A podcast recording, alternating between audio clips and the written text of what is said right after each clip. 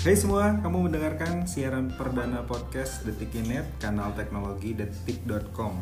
Di sini kita akan membahas isu-isu dan kabar-kabar terbaru di dunia teknologi. Langsung aja, inilah podcast Inet.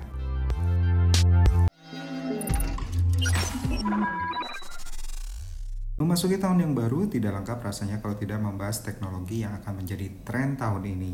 Nah, apa saja yang akan menjadi tren di 2020? Kita akan membahasnya bersama Itu bersama teman-teman harus saya di Detikinet tentunya. Ada Vino Yurio Kristo Ya, saya Vino. yang sering disebut Vino dengan kodenya FYK. Lalu ada Ada saya Anggoro Anggoro, panggilannya Goro. dan kode ASK. ASJ. ASJ. ASK itu Aisyah. Oh iya betul. Ah, lalu ada Agus dengan kodenya AGT.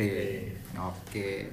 Nah kemarin kan abis uh, tes tuh kan kita udah ngeliat uh, kebayang kayak apa sih tren-tren teknologi yang akan happening di tahun ini. Nah kalau menurut Vino sendiri apa Vin? Ya kalau menurutku sih yang udah jelas itu 5G ya karena tahun lalu kan udah mulai kick off Hmm. tuh jaringan 5G di beberapa negara kayak di Korea juga udah, Cina udah cukup masif kan Hmm. Dan udah beberapa, beberapa ponsel yang apa punya support 5G meskipun masih terbatas ya. Nah tahun ini kayaknya sih bakal makin banyak ponsel 5G dan juga harganya makin murah itu Hmm. 5G. Terus yang kedua sih kayaknya Tapi bentar dulu, 5G-nya bakal kita rasain nggak di Indonesia? kalau menurut berbagai informasi sih kayaknya belum ya dalam waktu Oh, dekat ya. Oke oke. Karena beberapa faktor lah. Hmm. Tapi yang jelas itu akan jadi tren tahun ini di beberapa negara. Terus Hmm. yang kedua sih tak pikir ponsel layar lipat itu bakal makin uh, mainstream ya tahun ini. Kalau tahun lalu kan kayak masih coba-coba gitu. Kalau tahun Hmm. ini tak uh, kalau dari berbagai kabar itu makin banyak yang akan muncul di pasaran itu sih. Tapi bakal murah nggak? Kalau murah banget sih enggak ya karena memang teknologinya juga masih mungkin masih rumit uh, segala macam Hmm. dan pasarnya masih terbatas juga. Jadi kalaupun ya harganya pasti turun tapi nggak nggak akan murah kalau aku mikir sih. Nah kalau Goro sendiri gimana Goro? Ya, Lihat tadi- tahun ini kayak apa sih? Kalau tadi Vino bahas soal utamanya soal ponsel. Hmm. Kalau gue lebih ke tren laptop. hmm, laptop akan seperti apa sih? Ah, laptop ini? itu selama ini kan ya perangkat yang membosankan ya karena Hmm. desainnya gitu-gitu aja ya tapi memang beberapa orang bakal eh masih membutuhkan laptop buat kerja. Hmm. Ah, di 2020 ini kayaknya akan lebih banyak laptop yang punya dua layar. Mhm. Uh, 2019 sebenarnya udah ada beberapa laptop yang uh, punya dua layar kayak Asus, ZenBook Duo, ada Microsoft juga ada. Kayaknya bakal lebih banyak lagi ya laptop yang punya dua layar di uh, 2020 ini. Hmm, terus Kalau yang layar lipat gimana? Kemarin kan Chess itu ada juga tuh kan, yang ya? layar lipat laptop yang layar lipat itu ada Lenovo X1 Fold ya kalau nggak salah Eh, kayaknya sih belum ya kalau buat ke menyebar luas soalnya agak-agak kurang berguna mungkin ya kalau buat kerja cuman ya nggak tahu ya gimana pabrikannya aja nanti Nah kalau kalau dengan teknologi dua layar gitu, itu bakal menggerus pasar tablet nggak sih? Karena kan tablet kan cuma satu layar dan touchscreen dan itu dua dua layar touchscreen gitu. menggerus kayaknya sih enggak ya karena pasarnya bakal berbeda laptop itu lebih ke buat kerja tablet itu ya meskipun ada yang buat produktivitas juga sih tapi tablet itu lebih ke konsumsi konten buat nonton Hmm. video ngegame dan sejenisnya jadi harusnya pasarnya beda sih nggak nggak akan Hmm. saling menggerus Oke. begitu Mungkin kalau Mas Agus ada prediksi apa sih yang tahun ini bakal happening di jaga teknologi gitu? Kalau soal prediksi mungkin Hmm. apa ya? Karena mungkin saya mengcover tentang regulasi, 5G sih memang pasti- pasti jadi hal-hal yang menarik terutama di Indonesia. Kenapa? Itu sangat rumit kalau dibandingkan sama di luar negeri ya. Kalau di luar negeri kan mungkin beberapa udah ada yang launching, tapi kalau di Indonesia banyak problematikanya entah Hmm. itu keamanan Menkom Menkominfo sendiri kan bilang bahwa itu geostrategis tapi entah apa maksudnya gitu kah apa entah itu tentang pertahanan atau apa.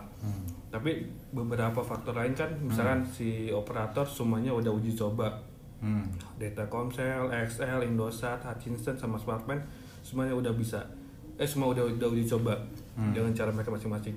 Menariknya tuh bukan menarik sih ini sayangnya Eh, bagi kalian yang ingin menjajal mungkin itu sangat terbatas dan mungkin agak di sampingan dulu kenapa karena ini untuk industri gitu kan Oke. Berarti berarti sama kayak yang dibilang Vino tadi Hmm. berarti kita belum bisa menikmatin tahun ini ya. tahun ini kemungkinan sangat harapannya kecil banget Hmm. karena ya buat apa ngomongin 5G kalau misalnya 4G sendiri masih belum stabil Oke. tuh sih Nah kalau ngomongin soal email gimana tuh? IMEI Kan nah iya tahun ini oh ya kan? IMEI itu Nah. April 2020 itu sangat ditunggu kebijakannya apakah itu bakal tegas atau gimana masih tegas dalam artian Hmm. apakah ponsel BM yang merugikan negara itu bisa benar-benar dihenti apa ya bisa dihentikan atau tidak itu sungguh- sungguh-sungguh sangat menarik karena sekarang ini kan lagi masa sosialisasi dari Oktober sampai April ya Hmm. itu yang bakal ditunggu sih Nah aturan email ini menurut uh, kalian semua ini enggak sih bakal bakal efektif untuk menjegal uh, ponsel BM sendiri nggak sih? Kalau menurutku sih akan efektif ya karena kalau alatnya memang secanggih yang bukan secanggih sih sesuai yang dikatakan itu kan dia akan memotong akses Hmm. five apa five Seluler. akses seluler langsung Ya. ke ponselnya jadi Ya. otomatis orang yang pakai Ya. ponsel dia nggak bisa pakai dong otomatis Ya. orang akan berbondong-bondong ke Ya. ponsel yang resmi jadi Nah, tapi itu sih cukup efektif mungkin Goro mau Eh, Ada pendapat? nggak tahu saya harus lihat perkembangannya dulu karena Nah. manusia itu punya banyak cara buat ngakalin peraturan kan Nah, kita nggak tahu gimana cara ngakalin para penjual-penjual ponsel BM ini untuk mengakali aturan email mungkin ada yang bisa injek email kah atau mungkin ah nggak tahu lah kita harus tunggu nanti kalau aturannya udah diimplementasikan implementasi ya. Mungkin ada satu ini yang, yang kan kalau dari penjelasan Menkominfo, Kominfo, Kominfo Hmm. eh, yang diblok itu kan selulernya. Hmm. Berarti kan si pengguna bisa pakai wifi. Hmm. Nah itu yang yang jadi celah. Kan Hmm. orang kan bisa aja beli ponsel BM terus pakai wifi yang lain. Hmm. Nah itu itu yang jadi jadi masih jadi PR yang lagi di pembahasan. Mm-mm. Tuh sih. Oke. Nah, gue juga melihat em, kamera tuh kan kemarin udah Xiaomi nge-launching yang 108 gitu. Itu bakal jadi tren gak sih semakin tinggi orang vendor tuh berlomba gak sih bakal tahun ini ngadirin pixel yang lebih gede gitu? Sepertinya akan uh, resol- resolusi ratusan Hmm. megapiksel itu bakal jadi hal biasa di 2020. Nah, Uh, tapi yang harus diingat adalah resolusi tidak ber sebanding dengan tidak berbanding lurus dengan kualitas, foto yang dihasilkan. Tidak ada jaminan resolusi 100 ratusan megapiksel itu bisa bersa lebih baik fotonya dibanding kamera yang sensornya cuma 12 megapiksel misalnya. oke. Ya, cuman nggak tahu mungkin nanti ada sensor yang bagus yang resolusinya tinggi tapi kualitas fotonya juga bagus. Tapi stan- nah kan kalau standarnya tahun lalu kan 64 megapiksel nih. Apakah tahun ini bakal 108 atau lebih lagi? Menurut menurut lu pada teman-teman. ya mungkin saja ya karena semua vendor itu sekarang berlomba-lomba itu inovasinya di kamera karena yang lain Hmm. sudah mentok ya kalau desain kan Hmm. layar lipat tuh gak semua vendor bisa melakukan Hmm. buktinya tahun lalu saja Samsung sama Huawei yang mengeluarkan itu menunda pemasaran jadi memang itu masih mungkin masih rumit jadi pasti vendor itu masih mengikuti pola lama yaitu Hmm. Berlomba-lomba di bidang kamera kan jadi tak pikir untuk resolusi yang semakin tinggi itu akan jadi hal lumrah itu ah, kayaknya seperti itu sih Hmm. Kalau saya sendiri sih nggak tahu sih buat apa 108. Yang penting sih buat foto buat di acara aja udah cukup. Buat nyetak foto seukuran billboard mungkin. Eh, Nah, dipajang di rumah ya. nah kalau layar kan layar nih juga kayaknya dari kema- dari tahun kemarin juga kayaknya meningkat kan dari 60 ke 90. Nah terus bakal Refresh ada rate-nya ya? ah, refresh rate jadi 120. Nah tahun ini akankah juga jadi tren atau ya segitu-segitu aja? Harusnya jadi tren karena kan Hmm. kebutuhan orang tuh udah mulai ke layar, mulai dari Hmm. streaming, eh, streaming video maupun Hmm. hmm. dari layar. Jadi kan layar itu semacam kunci buat buat Eh, juga enak ya. Game lah. Hmm. Harusnya sih itu jadi tren. Standarnya berapa menurut Gor? Ah, refresh rate ya. Refresh rate itu soalnya ada ininya, ada hal buruknya. Konsumsi dayanya bakal lebih boros daripada layar 60 Hz. Jadi Hmm. mungkin lebih enak dilihat tapi baterainya lebih boros. Mau Hmm. kayak gitu. Wah, bener. cuman ya nggak tahu ya. Tapi menurut saya lebih penting antara dari ketimbang refresh rate adalah penggunaan panel OLED atau AMOLED. Itu lebih Lebih bermanfaat untuk lebih kelihatan perbedaannya jelas uh, perbedaan kualitas warnanya dibanding panel IPS tapi ya mungkin OLED dan refresh rate 90 atau 120 Hz mungkin Samsung ya mungkin itu ya. Dan rata-rata mungkin flagship kira-kira 90 atau 120 hertz. seharusnya kalau judulnya flagship harusnya sih 100 120 ya Iya. karena yang 90 udah ada berapa ponsel ya tahun 2019 yang Lumayan 90 banyak sih Realme, ada, Oppo, ada Realme, ada Pixel, Oppo, ada Pixel, Hmm. OnePlus OnePlus juga. OnePlus juga 90 jadi Hmm. harusnya kalau flagship keluaran 2020 sih mungkin 120 Hz ya Hmm. Biar nggak dikatain Ya. Dan itu juga eh, bagi vendor tugasnya adalah untuk mengkomunikasikan tuh 120 Hz itu Hmm. buat apa sih? Karena sekarang kan layar udah bagus Hmm. semua kan. Hmm. Jadi kalau orang umum kayaknya ya kalau udah ngelihat ponsel flagship ya udah bagus aja gitu. Jadi mungkin Hmm. mereka harus pintar-pintar mengkomunikasinya buat buat apa gitu sih. Oke. Ada yang mau ditambahin nggak kira-kira ada tren juga nih yang di yang akan happening juga di tahun ini? mungkin lebih ke industri sih kebanyakan kayak misalnya IoT makin lebih canggih lagi ya Hmm. IoT penggunaan AR juga mungkin kayak bakal Lebih lebih lagi ya? lebih banyak dipakai entah itu gebrakannya seperti apa bisa pemakaian buat di aplikasi kah atau apa itu sih Eh, tadi yang ketinggalan adalah soal laptop Hmm. kayaknya 2020 ini akan lebih banyak laptop yang pakai prosesor AMD Hmm, kenapa tuh? Eh, mereka ada beberapa pro- ini prosesor baru yang kayaknya cocok buat laptop. Dan enggak enggak panas. AMD itu enggak panas itu stigma lama ya. Pakai AMD itu panas. Iya, udah nggak kayak gitu lagi sekarang loh.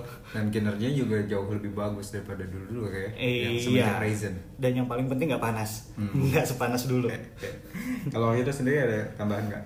Kira-kira Oh, apa? mungkin ini termasuk eh, salah satu tahun krusial untuk membuktikan apakah ponsel layar lipat itu benar-benar akan meledak atau ya biasa-biasa saja gitu. Atau Karena- sekadar gimmick doang ya? atau sekedar gimmick karena ya kalau kita lihat tahun kemarin kan katanya meningkat popularitasnya ya ternyata Hmm. biasa saja karena karena emang juga vendornya baru dua yang luncurin ke pasaran Hmm. kan tahun ini kan mungkin akan ada beberapa lagi nah ini akan jadi Hmm. pembuktian apakah konsumen akan menerimanya atau ya udah akan dianggap biasa saja Biasa aja, balik ya. ke ponsel yang kayak Atau biasanya menunggu. Apple keluar dulu nah itu mungkin akan jadi penting tunggu ya. sih kalau Biasa- karena biasanya begitu kan biasanya begitu Apple bikin lalu baru yang lain ngikutin Tapi baru baru jadi mainstream. Dan Baru sepertinya nih mainstream. Ah. yang yang ngikutin Apple ya tren adalah kamera kotak. Tahun ini bakal kotak semua kayaknya ya. kayaknya sih. Ah iya. Kemarin ada Pixel 4 Dicari yang persegi Persegi kemudian ini Galaxy, eh, Galaxy. Galaxy eh, itu bocorannya juga. Bocorannya kameranya persegi panjang ya. Persegi panjang, ya persegi panjang. Tapi tetap kotak modul gitu kan. Di Pad 40 juga kemarin bocorannya sama. Dan di mana-mana semua kotak gitu. Oke, kalau gue berarti gue gue simpelin, eh sum- simpelin, simpulkan. Nah, berarti tren tahun ini tuh berarti pertama 5G lah ya, karena walaupun terlepas di Indonesia tidak tidak Bukan belum lah, belum belum. bisa mencicipi yang konsumer, mungkin baru industrial ya. Kedua ponsel layar lipat, karena bakal semakin semakin banyak yang ngeluarin dan harganya mungkin ya sedikit turun tapi masih tetap premium. Ketiga adalah uh, mungkin ngikutin uh, layar uh, ada refresh rate yang di atas 90 dan di laptop ada dua layar. Kemudian apa yang ditambahin lagi ya tadi? Hmm, AMD. Oh AMD. Kemudian makin banyak uh, laptop AMD, lalu ya apa lagi ya tadi? udah seperti itu Udah ya.